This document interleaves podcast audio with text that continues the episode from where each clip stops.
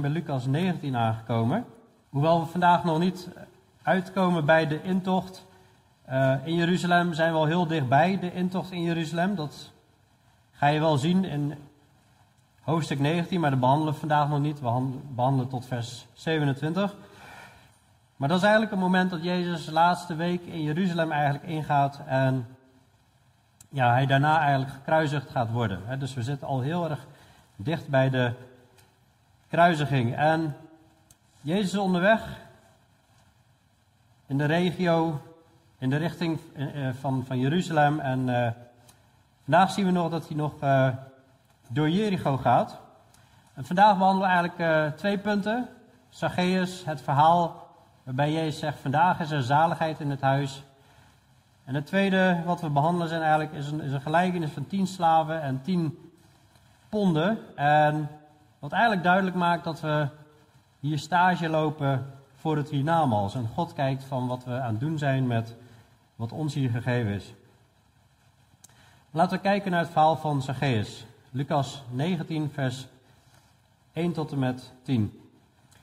En Jezus kwam Jericho binnen en ging er doorheen.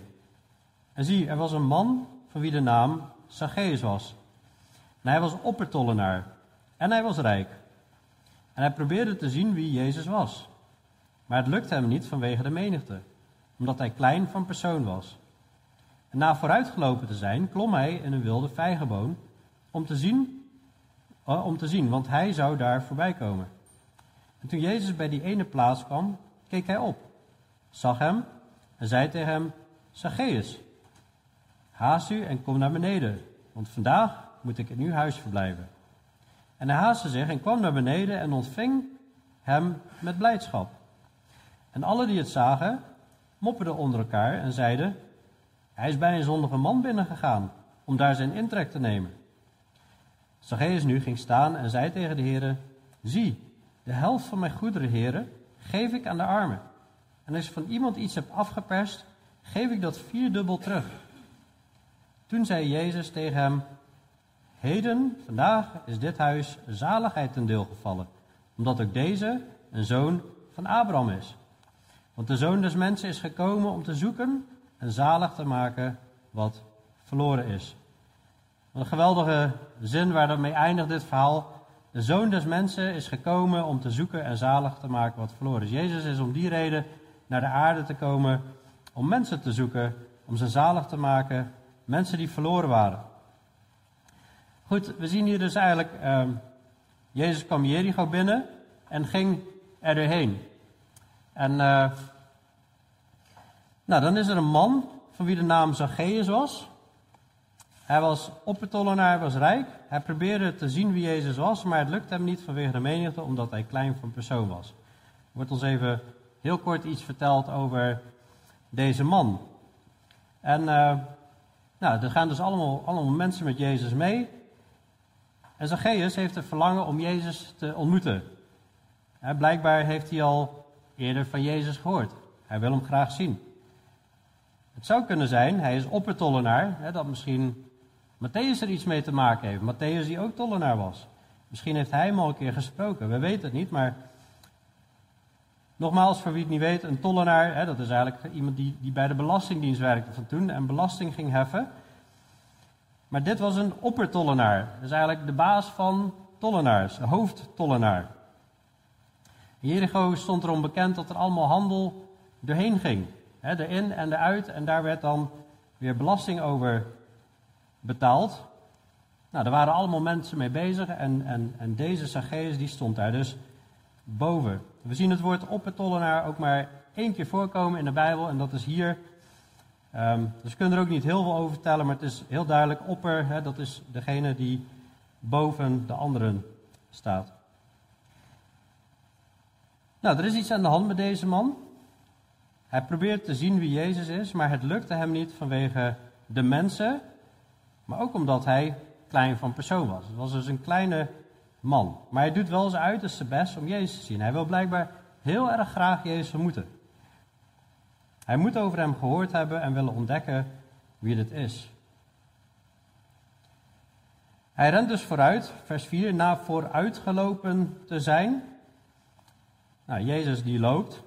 Hij gaat vooruit, maar moet ondertussen ook nog de tijd hebben om in een boom te klimmen. Dus hij zal waarschijnlijk gerend of met flink tempo vooruitgelopen zijn. En hij klimt daar in een wilde vijgenboom om Jezus te zien.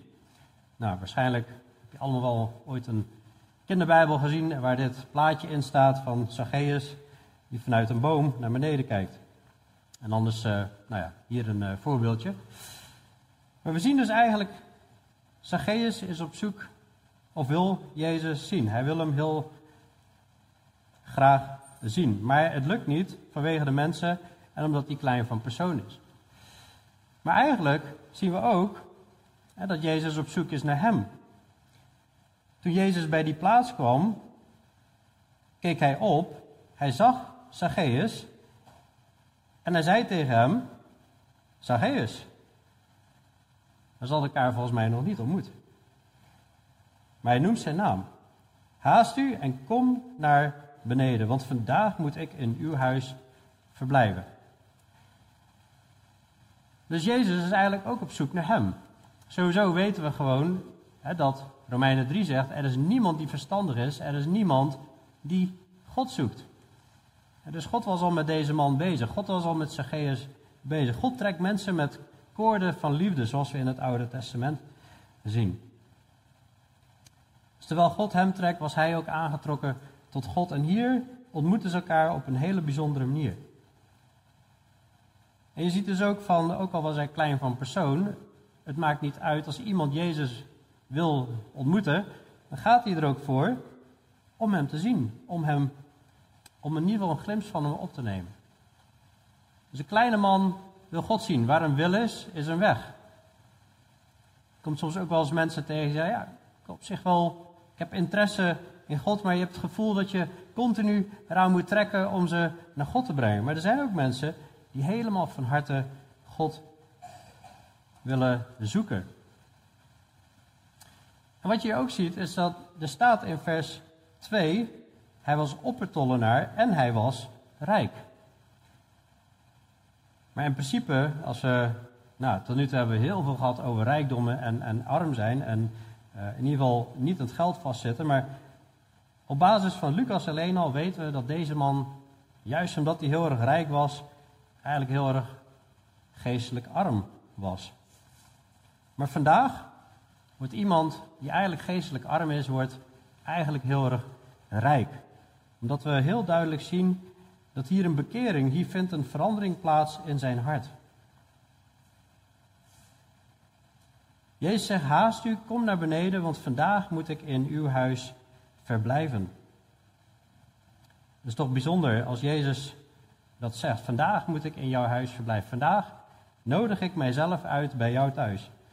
Ik heb niet alle versen in het Nieuwe Testament gecheckt, maar ik, las in een Bijbelcommentaar dat dit de enige plaats is waar Jezus zichzelf uitnodigt bij iemand. Maar ik vind het wel heel mooi. En bij wat voor iemand? Bij iemand die uitgespuugd werd eigenlijk door de Joden. Want die tollenaars, die stonden in verbinding met die Romeinen. En die Romeinen waren onrein. Dat waren overheersers die ze helemaal niet wilden. En je, hoorde helemaal niet om te gaan met die onreinen. Met, niet, niet met niet-Joden, maar ook niet met half-Joden. Met Samaritanen en niet-Joden hoorde je niet meer om te gaan. Dan was het ook nog iemand die voor hun werkte. En die ook nog dus bij hun geld kwam halen om, om, om de Romeinen te dienen. Dus die man werd uitgespuugd. Dus je ziet ook van ze zijn aan mopperen. Alle die het zagen mopperden, vers 7, morden onder elkaar en zeiden... Hij is bij een zondige man binnengegaan om daar zijn intrek te nemen. Maar Jezus trekt zich daar helemaal niks van aan. Want de zoon des mensen is gekomen om te zoeken en zalig te maken wat verloren is. Zo mooi is dat, hè? Zo mogen wij ook op zoek gaan naar de verlorenen. En dat wil niet zeggen dat we meedoen met hun werken of meedoen met hun zondige praktijken. Maar wij mogen wel uitreiken naar de goddelozen. Dus Jezus nodigt zichzelf uit en hoewel deze tekst in de context staat van een kerk die zich moet bekeren, vond ik dit wel een hele mooie tekst. Om misschien ook in ieder geval toe te passen op hier. Dat Jezus zegt, zie ik sta aan de deur en ik klop. Hier moesten ook mensen zich bekeren. Als iemand mijn stem hoort en de deur opent, zal ik bij hem binnenkomen en de maaltijd met hem gebruiken en hij met mij. Jezus staat hier eigenlijk bij Zacchaeus en Nou, staat niet letterlijk aan de deur te kloppen, maar zegt eigenlijk vandaag wil ik bij jou in huis verblijven. En de reactie van Zacchaeus hierop is heel bijzonder. Hij had niet zoiets van, ah, nou ja, ik uh, heb het hartstikke druk, ik ben oppertollenaar. Nee, hij haastte zich en kwam naar beneden. Hij had helemaal niet zoiets van, hier heb ik geen tijd voor. Hij wil tijd maken en hij ontving Jezus met blijdschap. Met blijdschap ontving hij de Heer. Hij was blij, één, dat hij had mogen zien en dan mag hij ook nog samen met hem eten. En Jezus komt bij hem over de vloer. We zien hier ook heel duidelijk van. De vorige keer hebben we gezien, hebben we gekeken naar een verhaal van een, een rijke man. En die kon niet het koninkrijk van God binnengaan. Die kon niet afstand nemen van zijn rijkdom. En Jezus zei: Hoe moeilijk kunnen zij die rijkdommen hebben het koninkrijk van God binnengaan? Het is gemakkelijker dat een kameel gaat door het oog van een naald dan dat een rijke het koninkrijk van God binnengaat. En dan zeggen de mensen die dit horen: Wie kan dan zalig worden? En Jezus zei: De dingen die onmogelijk zijn bij de mensen zijn mogelijk bij God. En hier zien we dus, nou ik had al genoemd van. Bij David was het mogelijk, bij Abraham was het mogelijk. Rijke mensen die toch met hun hart verbonden waren met God. Die niet vasthielden aan de rijkdom. Maar hier zie je ook een man, Zacchaeus, een levend voorbeeld. En meteen eigenlijk na dit verhaal. Die eigenlijk tot bekering komt. En eigenlijk gewoon, nou ja, heel eerlijk is en zegt. En Zacchaeus nu ging staan en zei tegen de heren in vers 8. Zie, de helft van mijn goederen, heren, geef ik aan de armen. En als ik van iemand iets heb afgeperst, gestolen, geef ik dat vierdubbel terug. En toen zei Jezus tegen hem: Vandaag is dit huis zaligheid ten deel gevallen. Vandaag is er redding gekomen over dit huis. Vandaag is er redding gekomen bij Zacchaeus, omdat ook deze een zoon van Abraham is. Nou, als je het Oude Testament niet zo heel goed kent, dan, dan, dan lees je hier over iets heen. Hier zit iets in verborgen wat niet direct opvalt. Het is namelijk zo, in het Oude Testament, er staan eigenlijk meerdere wetten over diefstal. Ehm, als je bijvoorbeeld iets gestolen hebt, maar je gaat het vrijwillig melden, en dus je erkent zelf, hey, ik heb iets gestolen, dat is niet goed. Dan zei de, het Oude Testament, zei nou, dan moet je dat één keer vergoeden, en dan ook nog één vijfde deel, en dan moet je ook nog een offer brengen.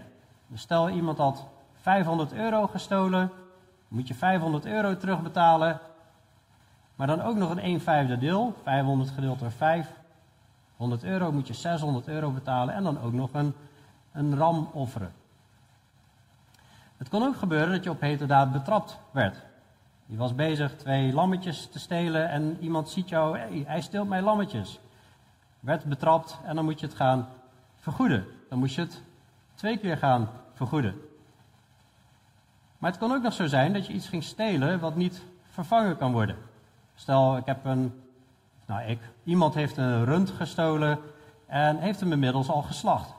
Ja, dan kun je zeggen, ja, hier heb je je rund terug, maar ja, nu is het ineens een doodrund. Hè? Dus, uh, nou, dan kun je dus eigenlijk niet meer vervangen. Dan moet je dat viervoudig vervangen en in sommige gevallen zelfs vijfvoudig. Dus, wat doet Zacchaeus hier? Zacchaeus, die is eigenlijk eerlijk over, iemand iets heb afgeperst, dus eigenlijk geeft hij mijn optiek gewoon aan, ik heb mensen afgeperst, dan geef ik het vier dubbel terug. Dus eigenlijk, wat doet hij? Welke van deze drie opties past daar het beste bij? Hij zegt het vanuit zichzelf. Welke, welke van de drie opties past hier het beste bij? Zeg je? De laatste? Of de eerste? Vrijwillig melden. Hij, hij beleidt eerlijk, als ik van iemand iets heb afgeperst, hè, dus daar lijkt het op van, hij zegt het eerlijk vanuit zichzelf. Het is niet dat Jezus hem hierop aanspreekt of zo.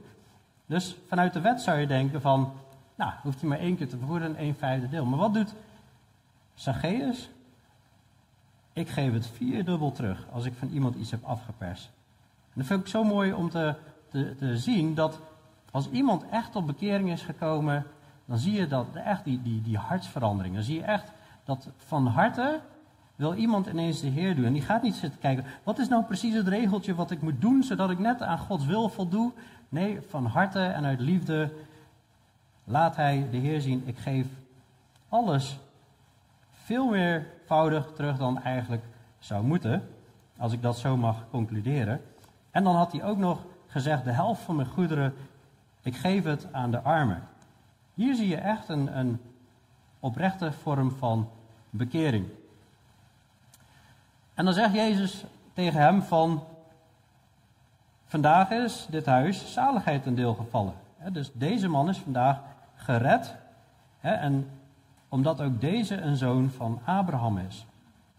En dan denken wij, maar waarom staat dat er achteraan? Omdat deze een zoon van Abraham is. De Joden zijn toch allemaal zonen van Abraham. Maar ik geloof dat Galaten 3 dat heel duidelijk uitlegt. En zoals Abraham God geloofde en het hem tot gerechtigheid werd gerekend. Dus dat het in orde gemaakt werd tussen hem en God, omdat hij hem vertrouwde. Begrijp dan toch dat zij die uit geloof zijn, Abrahams kinderen zijn. Dus de mensen, en Romeinen 4 zie je dat ook terug, mensen die echt tot geloof komen, dat zijn de echte geloofskinderen van Abraham. Deze man is vandaag opnieuw, op die dag opnieuw geboren. En je ziet ook meteen die vrucht. En dat is zo mooi als mensen echt tot geloof komen. En dat is eigenlijk wat Romeinen 6 zegt. We zijn niet meer slaaf van de zonde, hè, maar nu willen van harte God dienen. Nu komt het echt vanuit het hart. En dan heb je een zacht hart naar andere mensen. En dan heb je een liefdevol hart naar andere mensen. En dan denk je niet boos over andere mensen. Of kwaad over andere mensen. Of in ieder geval, je hebt iets afgepakt in het verleden en zegt: Ik ga het gewoon zo ongelooflijk goed maken. Dat die persoon echt ziet van: Ik wil dat echt van harte in orde maken. Nou, je zou hier ook nog kunnen denken: omdat hij een goed werk doet, daarom wordt hij gered. Ja, dat hebben we natuurlijk al heel vaak herhaald. Maar we blijven het herhalen. De Bijbel leert niet dat je uit werken gered wordt, maar uit genade ben je zalig geworden door het geloof en dat niet uit u. Het is de gave van God. Niet uit werken opdat niemand zou roemen. Maar Jezus heeft al lang zijn hart gezien. Jezus heeft zijn vertrouwen gezien, wat Zacchaeus in hem heeft gesteld. misschien heeft hij eerder onderwijs al gehoord of zo. Het is in ieder geval heel duidelijk van, deze man heeft geloof en laat dat zien door zijn werken. Jacobus 2 zegt ook, zo is het geloof, als het geen werken heeft, is in zichzelf dood. U gelooft dat God één is, daar doet u goed aan. Ook de demonen geloven dit en zij sidderen. Hier zegt Jacobus eigenlijk van, ja, geloof heeft een uitwerking. Echt geloof, echt vertrouwen heeft een uitwerking. Dat zorgt ervoor dat je de wil van God gaat doen geloof, als het geen werk heeft, is in zichzelf dood.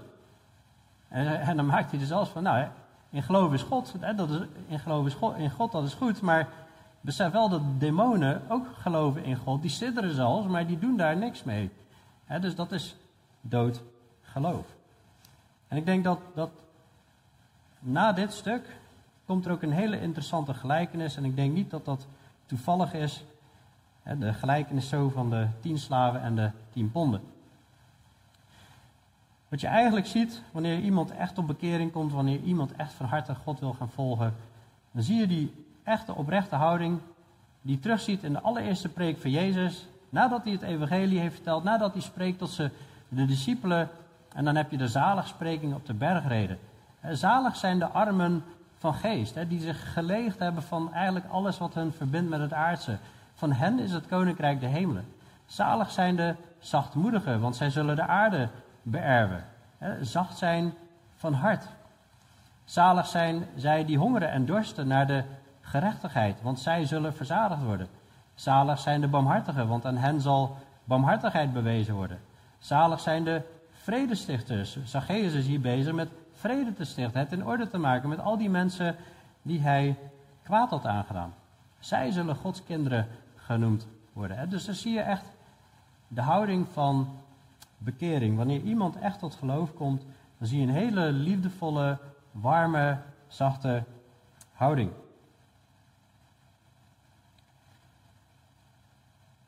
Dat is geweldig nieuws. En dan maakt Jezus heel erg duidelijk, waarschijnlijk voor de omstanders, de zoon des mensen is gekomen om te zoeken en zalig te maken wat verloren is. Het is heel kort verhaal. Enige plek in de Bijbel waar we dit vinden, dat is hier in Lucas. Maar wel een heel krachtig verhaal en een, en een verhaal wat echt laat zien van wat is echte bekering. Wat voor hart en wat voor werken zie je aan de hand van iemand die echt tot geloof is gekomen. Dan gaan we verder naar het volgende stuk. Het volgende stuk gaat over tien slaven en tien ponden. Terwijl zij nu dit alles hoorden, sprak Jezus een gelijkenis uit, die hij eraan toevoegde, omdat hij dicht bij Jeruzalem was. En zij dachten dat het koninkrijk van God onmiddellijk zou aanbreken. En hij zei dan: Een zeker mens van hoge geboorte reisde naar een ver land om voor zich een koninkrijk in ontvangst te nemen en daarna terug te keren. Dus vrij zeker gaat dit over, ik ben er eigenlijk van overtuigd, dat dit over Jezus gaat. Iemand van hoge geboorte, reist naar ver land. Jezus moet na zijn hemelvaart een hele tijd weg zijn. Naar een ver land doet ook vermoeden, hij zal best een tijd weg zijn om voor een koninkrijk in ontvangst te nemen en daarna terug te keren. Maakt ook duidelijk hè, dat Jezus dan uiteindelijk terug zal komen. En hij riep zijn tien slaven, gaf hem tien ponden en zei tegen hem: Doe daarmee zaken totdat ik terugkom. Ik geloof dat hij hier heel bewust niet doelt op de twaalf apostelen, maar op tien slaven algemeen. Dat het, geloof ik dat dit staat voor gewoon de gelovigen. We zien gelijkenis ook in Matthäus 25, zullen we ze ook wat van aanhalen. Ik geloof dat hij hier een gelijkenis geeft voor alle gelovigen in de tijd dat Jezus weg is. Hij riep zijn tien slaven, gaf hun tien ponden. Nou, dat is een, een, een geldeenheid, of in ieder geval dat is uh, drie maanden loon omgerekend. Dus ieder van hen gaf hij tien ponden, ieder van hen gaf hij drie maanden loon. En hij zei tegen hen, doe daarmee zaken totdat ik terugkom. En dus de les van deze gelijkenis is niet dat we allemaal bedrijven moeten gaan opstarten en, en zaken en, en daarmee business maken en goed verdienen bedrijfsmodel moeten hebben, maar er zit een geestelijke les achter, zoals we zullen zien. En zijn burgers haatten hem en stuurden hem een gezantschap na om te zeggen: Wij willen niet dat deze man koning over ons zal zijn.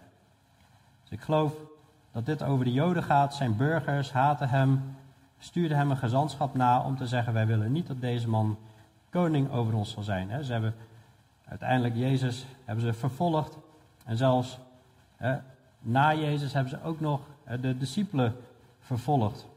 Ze bleven maar zeggen: Wij willen niet dat Jezus koning over ons is. Het gebeurde toen hij teruggekomen was, nadat hij het koninkrijk in ontvangst genomen had. Dat gaat over het koninkrijk op aarde, wat Jezus zal ontvangen. Dat hij zei dat men die slaven aan wie hij het geld gegeven had, bij hem zou roepen om te weten wat ieder met het zaken doen aan winst had gemaakt. Toen verscheen de eerste en zei: Heer, uw pond heeft tien ponden winst opgeleverd. En hij zei tegen hem: Goed gedaan, goede slaaf. Wees, omdat u in het minste trouw bent geweest, machthebber over tien steden. Toen kwam de tweede en zei: Heer, uw pond heeft vijf ponden opgeleverd. En hij zei ook tegen hem: En u wees machthebber over vijf steden. En de ander kwam en zei: Heer, zie uw pond dat ik had weggelegd in een zweetdoek. Uh, zie uw pond dat ik had weggelegd in een zweetdoek. Want ik was bevreesd voor u, omdat u een streng mens bent. U neemt wat u niet uitgezet hebt en u maait wat u niet gezaaid hebt. Maar hij zei tegen hem: Uit uw eigen mond zal ik u oordelen, slechte slaaf. U wist dat ik een streng mens ben en dat ik neem wat ik niet uitgezet heb en maai wat ik niet gezaaid heb. Waarom hebt u mijn geld dan niet bij de bank in bewaring gegeven? Dan zou ik het ook bij mijn komst met rente kunnen opeisen. En hij zei tegen hen: die bij hem stonden, neem dat pond van hem af en geef het aan hem die de tien ponden heeft. Ze zeiden dan tegen hem, Heer, hij heeft al tien ponden. Want ik zeg u dat aan ieder die heeft gegeven zal worden, maar van hem die niet heeft zal ook afgenomen worden wat hij heeft. Maar deze vijanden van mij die niet wilden dat ik koning over hen zou zijn, breng ze hier en sla ze hier voor mijn ogen dood. Nou, best even stevige zin zo op het eind, maar een gelijkenis over de tijd dat Jezus weg is. En hij geeft mensen, geeft hij middelen om God te dienen en om eigenlijk het te vergroten wat God hun gegeven heeft. Nou, hij begint met, ze dachten hè, dat het koninkrijk onmiddellijk zou aanbreken. dat staat in vers 11. Terwijl zij nu dit alles hoorden, sprak hij een gelijkenis uit, die hij erin toevoegde, omdat hij dicht bij Jeruzalem was en zij dachten dat het koninkrijk van God onmiddellijk zou aanbreken. En ze dachten misschien, zodra hij één, voet, één stap zet in Jeruzalem, dat dat zal waarschijnlijk het moment zijn dat het koninkrijk van God gevestigd gaat worden. En Jezus heel duidelijk, nou, dat gaat dus nog niet gebeuren. Hij had eerder al gezegd in hoofdstuk 17, het koninkrijk van God komt niet op, waar, uh, op waarneembare wijze. Hè? In ieder geval nog niet. In hetzelfde verhaal hebben we naar gekeken, hè, maakt hij ook duidelijk dat hij weg moet gaan, dat hij eerst gekruisigd moet worden. Hè, en dat op het eind zal het zijn als in de dagen van Noach, als in de dagen van Sodom en Gomorra. En dan, boem, komt de zoon des mensen terug. Jezus had ook gezegd, het koninkrijk is in het midden van u. maar Jezus komt nadat hij weg is, dus nog wel terug. En hier zien we ook, Jezus gaat en komt terug en neemt het koninkrijk in ontvangst. Hoofdstuk 19, vers 15, dan zie je, het gebeurde toen hij teruggekomen was, nadat hij het koninkrijk in ontvangst had genomen, dat hij zei dat men die slaven aan wie hij het geld gegeven had, bij hem zou roepen om te weten wat ieder met zaken doen en winst had gemaakt. Dus hij komt terug. In de tussentijd heb je hier eigenlijk heel veel gelijkenissen over. Matthäus 13, daar geeft Jezus een stuk of zeven gelijkenissen over het koninkrijk der hemelen. Dat gaat over de tijd van nu. Het zal een periode zijn waar je vier verschillende gronden van het hart zal zien. Het zal een periode zijn waar je, nou, dan vergelijk Jezus met een akker en er wordt het goede zaad gezaaid, maar in de nacht komt de boze en komt ook onkruid zaaien. Nou, en dat zullen we in de tijd van de kerk in de kerk zien. We zullen onkruid zien en we zullen echte gelovigen zien. Een beetje hetzelfde verhaal in de verhaal van het gelijkenis van de wijze en de dwaze maagden. Ben je klaar voor zijn komst? Ben je waakzaam? Dat is de boodschap. dus op een gegeven moment gaat de Heer een tijdje weg en komt dan terug. Ook in Matthäus 25, bijna dezelfde gelijkenis, hetzelfde idee als wat we nu lezen, alleen net wat andere details. En dan hebben we hier de gelijkenis van de tien slaven en de tien ponden. En ik heb de titel even genoemd, we lopen hier stage voor het hiernamaals. God is eigenlijk aan het kijken, wat zijn we aan het doen met wat God gegeven heeft? Wat, heeft, wat, doen we met, met onze tijd, met onze middelen, met onze gaven? In de tussentijd zijn we bezig te vermenigvuldigen wat God ons gegeven heeft. Nou, even ingaand op deze gelijkenis, wat zien we? We zien de eerste man, die heeft van één pond heeft hij 10 ponden gemaakt. Voor elke pond krijgt hij een stad. Dat is nogal wat, hè? Tien steden waar hij over moet gaan heersen. Waarom? Hij was in het minste trouw geweest. Hij was een goede slaaf. En de Heer weet, deze kan ik vertrouwen. Deze, als hij in kleine dingen trouw is geweest, dan gaat hij in het grote ook trouw zijn. De tweede, die gaat van één pond naar vijf ponden. Die krijgt vijf steden. Het viel me op dat hij hier niet specifiek dat erbij zegt. Goed gedaan, goede slaaf, wees omdat u een minste trouw bent geweest, machthebber over tien steden. dat zei hij in vers 17. In vers 18 toen kwam de tweede en zei: Heer, uw pond heeft vijf ponden opgeleverd. Uh, of dat zegt die man. En ook hij zei tegen hem: U wees machthebber over vijf steden. Ik denk wel dat hij wel dezelfde boodschap heeft aan deze man. Als je dat vergelijkt met Matthäus 25, daar wordt het wel tegen allebei gezegd: Goede trouwe dienaar, over weinig ben je trouw geweest, over veel zal ik je stellen. En de derde, die heeft eigenlijk geen opbrengst gemaakt. Die heeft nog steeds die eerste pond en die heeft hem bewaard. Die heeft hem, ja, ik heb het weggelegd in een zweetdoek, ergens bewaard, ergens in de grond begraven. Ik was bevreesd voor u omdat u een streng mens bent en u neemt wat u niet uitgezet hebt en u maait wat u niet gezaaid hebt. Alsof hij zoiets heeft, ja, mijn meester is zo streng, dadelijk doe ik iets verkeerd of zo. Of, ja, waarom zou ik iets voor hem doen? Want hij is zo machtig, hij kan uit het niets kan hij iets maken. Dus hij kan toch zo vrucht maken? Ik weet niet wat hij dacht, maar God is niet blij met hem. Uit uw eigen mond zal ik u oordelen, slechte slaaf. Ik vind het overigens ook wel interessant dat hier de term slaaf gebruikt wordt. Want in Johannes 15 staat, ik noem u niet meer slaaf, ik noem u vrienden. Dus in, in vriendschap wil God zijn details bekendmaken. En tegelijkertijd zijn wij wel dienaren, wel slaven. Paulus noemt zich ook een slaaf. Jezus kwam ook om een dienstknecht te zijn voor ons. Heeft zichzelf helemaal geleden. Dus wij staan nu eigenlijk in dienst van de Heer. Oké. Ehm, even kijken of ik het goed heb begrepen, het verhaal. Klopt dat wat hier staat? De eerste die krijgt van 10 ponden krijgt hij 10 steden, van 1 pond 5 ponden, 5 steden en de derde krijgt geen opbrengst. Klopt deze eind, dit eindresultaat? Klopt dat? Hebben we dat zo goed gelezen? Iemand schudt nee. Wat klopt er niet? Bij de eerste kwam er nog één bij, hè? De eerste, die kreeg tien steden plus nog één stad, concludeer ik. Kijk maar hier in vers 24. Hij zei tegen hen die bij hem stonden: Neem dat pond van die slechte slaaf af, geef het aan hem die de tien ponden heeft. Zij zeiden dan tegen hem: Heer, hij heeft al tien ponden. En dan zegt hij: Want ik zeg u dat aan ieder die heeft gegeven zal worden, maar van hem die niet heeft, zal ook afgenomen worden wat hij heeft. Dus degene die het eigenlijk verprutst had, waar God eigenlijk gewoon ook iets voor bewaard had eigenlijk, leek het, dat wordt bij die ander erbij gegeven. Ik maak ervan, nou, die krijgt elf steden, maar hij krijgt in ieder geval hè, dat pond erbij. En die ponden worden ingeruild voor steden. Dus uiteindelijk, die laatste man heeft helemaal niks. Die ene pond in de zweetdoek is die kwijt. Hij is alles kwijt. En die andere krijgt er zelfs nog iets bij. Ja, wat moeten we hier nou uit uh, concluderen allemaal? Hoe moeten we die slechte slaaf zien? Die krijgt niets, die wordt geoordeeld. Vers 22. Hij zei tegen hem: Uit uw eigen mond zal ik u oordelen, slechte slaaf. Maar wat betekent dat dan? Is dit een schijngelovige? Nou, daarvoor wil ik eigenlijk toch heel even naar Matthäus 25.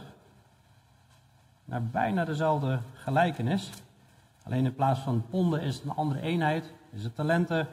Ze krijgen ook iets andere hoeveelheden, die mensen, maar het idee is hetzelfde. Ik ga niet het hele verhaal lezen, dat kun je thuis doen.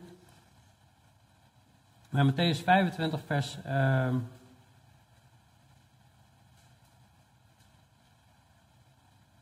vanaf vers 24, ja.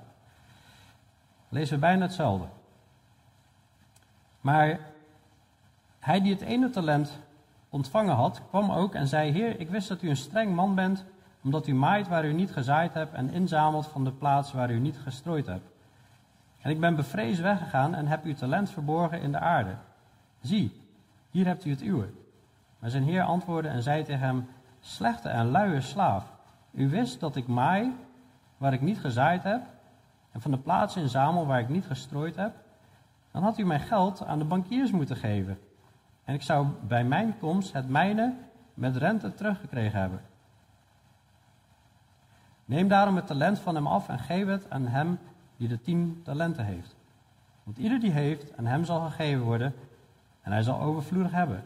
Maar van hem die niet heeft, van hem zal afgenomen worden ook wat hij heeft. En werp de onnutte slaaf uit in het buitenste duisternis. Daar zal gejammer zijn en tandengeknars. Oei. Heftige woorden allemaal, hè? Ik heb wel eens begrepen dat de bijbelleraren die waren dit verhaal aan het vertellen en die lieten die laatste versen weg. Maar dat hoort er wel bij. Dus als je dat dan vergelijkt met Lucas 19, het verhaal met die tien ponden, dan lijkt het erop dat het niet goed afloopt met deze slechte slaaf. Dat dat eigenlijk iemand is die geen vrucht draagt, die eigenlijk niet bezig is met de wil van de Here te doen. In vers 25, 25 Hoofdstuk Matthäus 25, vers 30 zegt: Werp de onnutte dienaar uit in de duisternis. Daar zal gejammer zijn en tandengeknars. En in Matthäus 7 dan zie je ook hè, dat, dat er mensen zijn. Jezus zal hun openlijk zeggen: Ik heb u nooit gekend, ga weg van mij, u die de wetteloosheid werkt. Er waren wel mensen die riepen: Heren, Heren. En hebben wij niet in uw naam mooie dingen gedaan, maar Jezus, ik heb u nooit gekend, werkers van de ongerechtigheid. Er waren geen echte bekeerlingen. En echte bekeerlingen die, doen, die hebben een houding zoals we hebben gezien bij Zacchaeus. Van harte gaan ze de wil van de Heer doen. Nou goed, ook het volk, hè, wat vijandig was naar God, daar loopt het ook niet goed mee af in vers 27.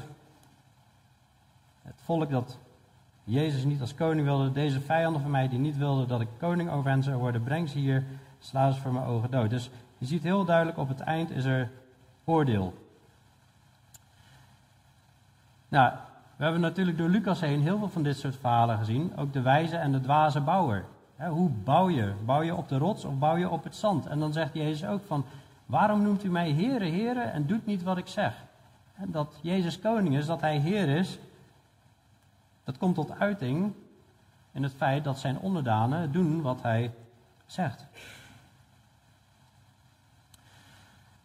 Ik concludeer hier ook uit dat je gradaties van beloning hebt. dat zie je niet hier, maar dat zie je op heel erg veel plaatsen. En tegelijkertijd moeten we wel beseffen dat van ieder aan wie veel gegeven is, zegt Jezus Lucas 12, zal veel teruggevraagd worden en van hem aan wie men veel toevertrouwd heeft, zal men des te meer eisen.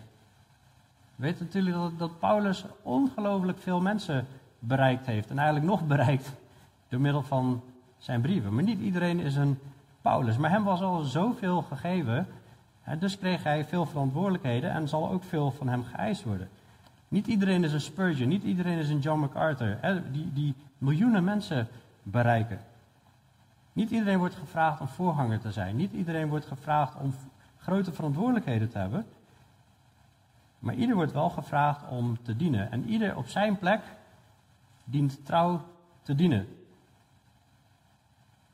in het minste trouw te zijn. Ik geloof zelf dat iemand die de wc schoonmaakt of stoelen klaarzetten, net zo mooi beloond zal worden als iemand die, nou, een John MacArthur, die miljoenen mensen bereikt heeft. Als iemand maar trouw is in dat wat God hem geeft. En eigenlijk dat wat hem toevertrouwd is ook doet. En dat is trouwens niks persoonlijks naar iemand hè, over wc's of over stoelen. Dat is gewoon algemeen een voorbeeld. De gradaties van beloningen zie je heel duidelijk ook terug naar één in dit verhaal, maar ook op, op meerdere plekken. En, en ik denk dat dit wel een kerngedeelte is daarvan, in 1 Corinthië 3. Daar zegt Paulus, niemand kan een ander fundament leggen dan wat gelegd is, dat is Jezus Christus. Of nu iemand op dit fundament bouwt met goud, zilver, edelstenen, hout, hooi of stro, ieders werk zal openbaar worden. De dag zal het namelijk duidelijk maken omdat hij in vuur verschijnt. Hoe ieders werk is, zal het vuur beproeven. En we zien hier goud, zilver, edelstenen. En dat kan, als je dat door het vuur haalt, kan dat stand houden. Hout, hooi of stro, ja, nou, dat uh, verbrandt meteen natuurlijk. Hoe ieders werk is, zal het vuur beproeven. Als iemands werk dat hij op het fundament gebouwd heeft stand houdt, zal hij loon ontvangen. Als iemands werk verbrandt, zal hij schade lijden. Hij zelf echter zal behouden worden, maar wel zo als door vuur heen. Dus dit gaat over de werken die worden beproefd door het vuur. En wat houdt stand? Je kunt loon ontvangen of je kunt schade lijden. Dit gaat niet over, over je redding, dit gaat over werken die je hebt gedaan. He, zelf zul je behouden worden. Het gaat over iemand die wedergeboren is. Maar je kunt dingen doen met je geld, met je middelen, met je tijd, met je energie, die niet God behagen. Het kan zonde zijn, maar het, kan ook gewoon, het kunnen ook dingen zijn die God gewoon niet per se vraagt, maar die ook niet zondig zijn. Maar wat vraagt God wel? Daarom is het belangrijk om zijn wil te kennen, om zijn woord te kennen. Van waar roept de Heer ons allemaal toe op?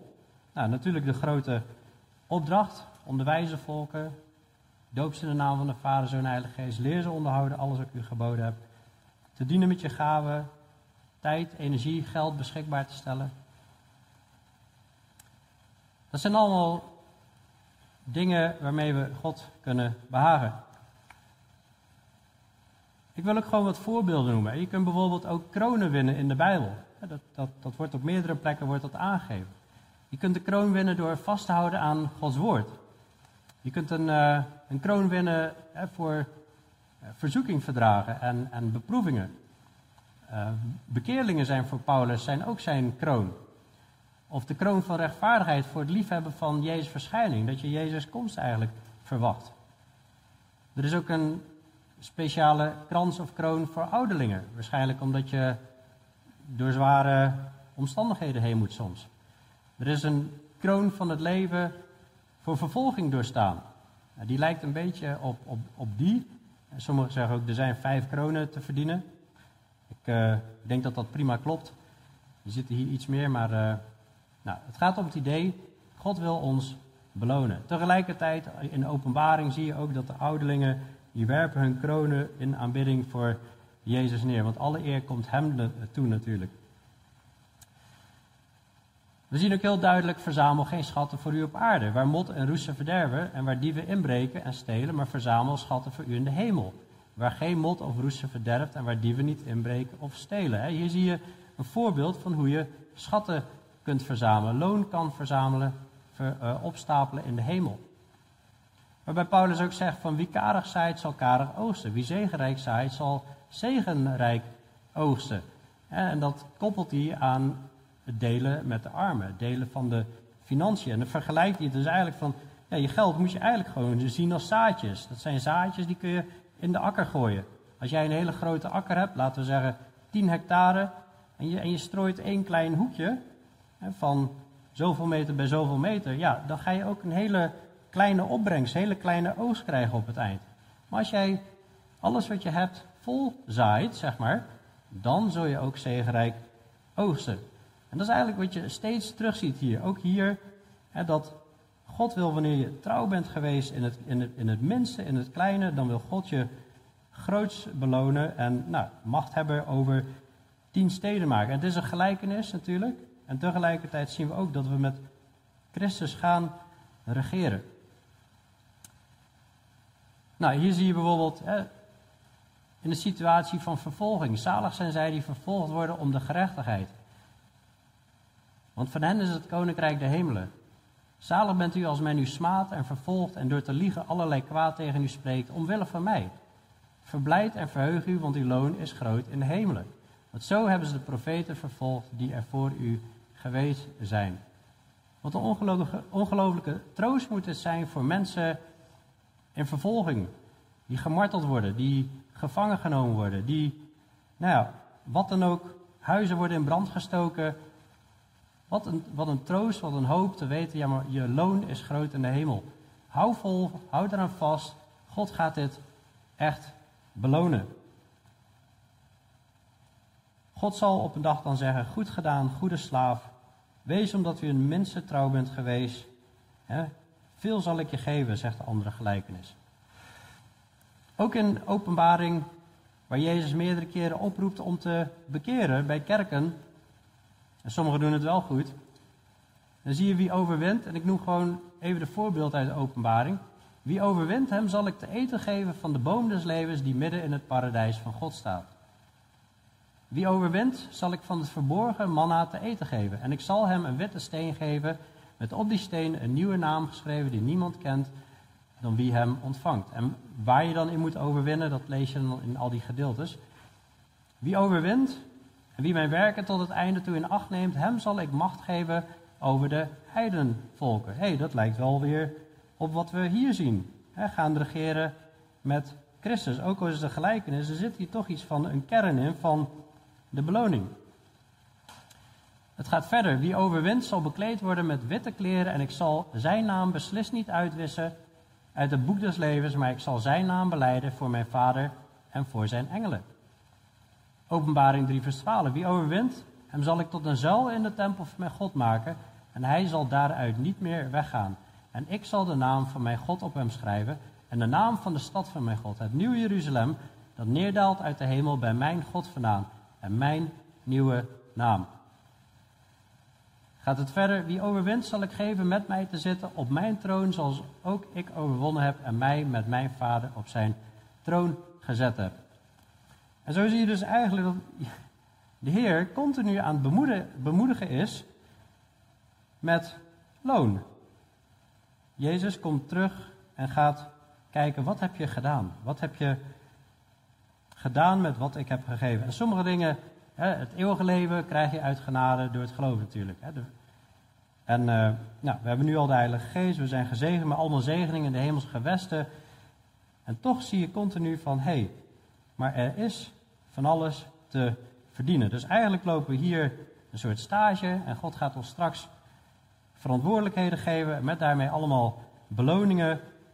Alleen de vraag is van, ja, zetten we alles op alles om, om zijn wil te doen?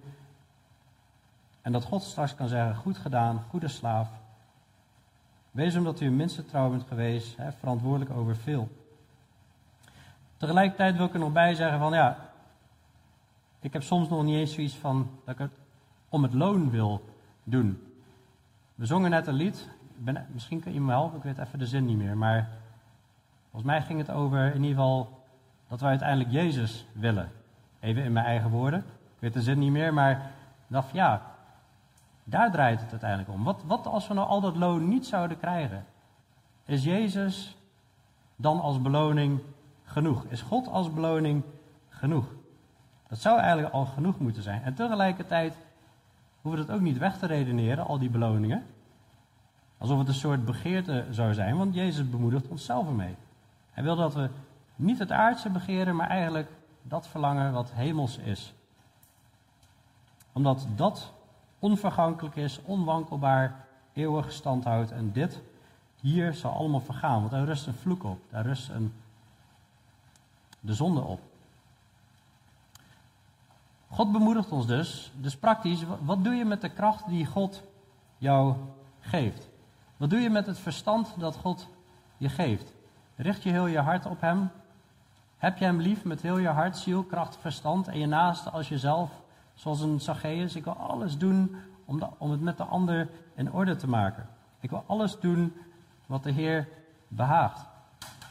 Wat doe je met geld dat God je geeft? Wat doe je met de tijd die God je geeft? Hoe ga je om met de naasten die God je geeft? Je vader, je moeder, broers, zussen, broeders en zusters in de gemeente, met je kinderen. Hoe gaan wij met elkaar om? Is je hart zacht naar anderen? Bedenk je het kwade of liefde over anderen? De nadruk ligt dus ook op trouw zijn. Trouw ontstaat door in volharding te dienen, ook als het moeilijk is, ook als het tegenzit. Dat is trouw zijn. Ik heb even geen zin meer. Ja, ga je toch door. Want ik dien de Heer. Ik wil Hem behagen. Weer je hart erop richten. Ik wil dit van harte, Heer. Trouw zijn is dat God en mensen op je kunnen rekenen. En dat je gewoon weet van, die, die is er zondag weer. Of je moet echt gewoon zo ontzettend ziek zijn, die is er gewoon. Of die, daar kan ik op rekenen voor die en die taak. Daar weet ik gewoon van, die zal er zijn. Trouw de dienstenbezoeker, zegt de Bijbel zelf ook. Hè? Trouw zijn in andere opbouwen. Trouw zijn in je taken in de gemeente. Zo belangrijk om je taak, wat het ook maar is, om dat serieus te nemen op basis van dit. Herinner jullie nog toen we door, even kijken, dacht Lucas 16 gingen, vers 8, dat Jezus zei, de kinderen van deze wereld zijn onder elkaar verstandiger dan de kinderen van het licht. Wat was zijn punt daar? De kinderen van de wereld zijn beter bezig met hun pensioen op te bouwen en de zaken in orde te maken voor later in het leven. Zijn ze beter mee bezig dan de kinderen van het licht? Dan de kinderen van het licht bezig zijn met de dingen te regelen voor het hier namaals. Nou, dat kun je doen door trouw zijn in je taak in de gemeente. Je doet het niet aan ons, je, dient mensen er ook mee, maar je doet het aan de Heer en God kijkt mee. Geestelijke leiders worden ook eigenlijk opgeroepen om geestelijke leiders te zoeken. Op basis van Timotheus 2 vers 2, daar zegt Paulus, wat u, Timotheus, van mij, Paulus, gehoord hebt onder vele getuigen, vertrouw dat toe aan, wat voor mensen? Aan trouwe mensen die bekwaam zijn om ook anderen te onderwijzen. Hij zegt niet, vertrouw dat toe aan mensen die kunnen onderwijzen. Hij, hij zegt, vertrouw dat toe aan trouwe mensen. Dus dan zie je, Paulus onderwijst Timotheus dat hij mensen moet gaan zoeken die kunnen onderwijzen om weer anderen te kunnen onderwijzen. En zo gaat het evangelie is eigenlijk uiteindelijk een keer bij Europa gekomen. Omdat steeds iemand op zoek gaat naar anderen en die instrueert, daar moet je naar op zoek, zodat die ook weer de volgende kunnen onderwijzen. Dus daarom is trouw zijn is zo belangrijk. Niet alleen op vlak van onderwijs, maar op wat voor terrein dan ook. Dus we zien een prachtig verhaal van de bekering van Zacchaeus. Maar hoe is ons hart? Hebben wij ook zo'n hart dat we niet het regeltje willen volgen, maar die houding willen hebben van, Heren, ik wil van harte u dienen. Van harte maak ik het in orde met anderen. En dan meteen daarachteraan die gelijkenis van die tien slaven, die tien ponden, waarin Jezus duidelijk maakt van, het koninkrijk van God breekt nog niet onmiddellijk aan. We gaan eerst nog stage lopen. Voor straks, wat er komen gaat. Dus ik zou zeggen, succes allemaal met je, met je stagemissie. maar uh, laten we bidden voor kracht, voor wijsheid, voor hulp en dat we God mogen verheerlijken. Want de hoofdtitel was, vindt Jezus vruchten bij zijn komst? Eerder hebben we de vraag gesteld, vindt Jezus nog wel geloof als hij op aarde komt? En nu is de vraag, vindt Jezus vrucht als hij op aarde komt?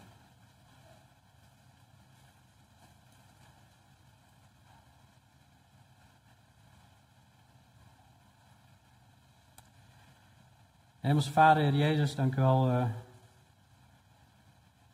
ja, dat u zo omzag naar Zacchaeus. Een zeer zelfzuchtige, egoïstische man. Een dief. En toch keek u naar hem om, Heer. En u, u schonk hem genade. U zag in zijn hart dat hij vertrouwde op u en losliet van de aardse bezit. Zo'n contrast met die rijke jongeman. Wat bijzonder, Heer, dat, om te zien dat bij u alle dingen mogelijk zijn en dat we Zacchaeus straks zullen terugzien.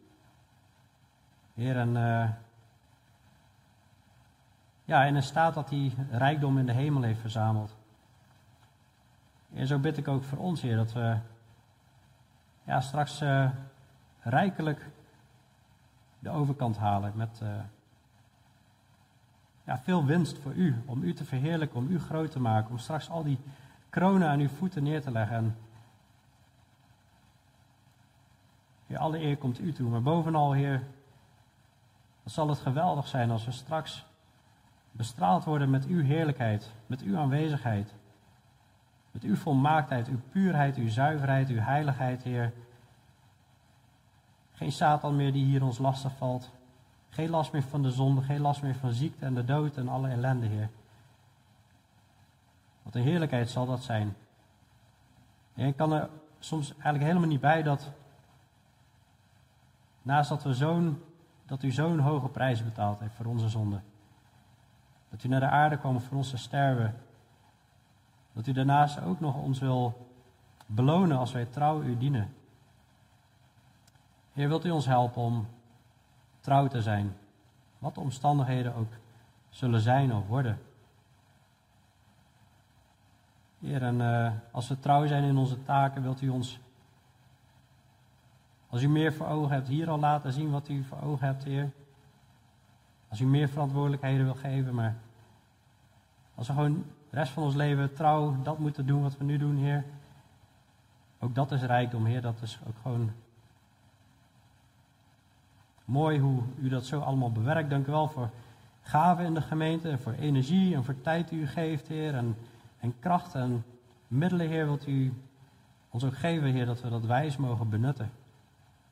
Tot eer en glorie van uw naam. U wijst er zo vaak op. Heer, dank u wel ja, voor deze boodschap weer. En, uh, het besef dat we hier stage aan het lopen zijn. En ja, dat we goed moeten nadenken over hoe we u behagen en wat we straks in handen hebben als we voor u staan. Dank u wel voor deze wake-up call. In Jezus' naam. Amen.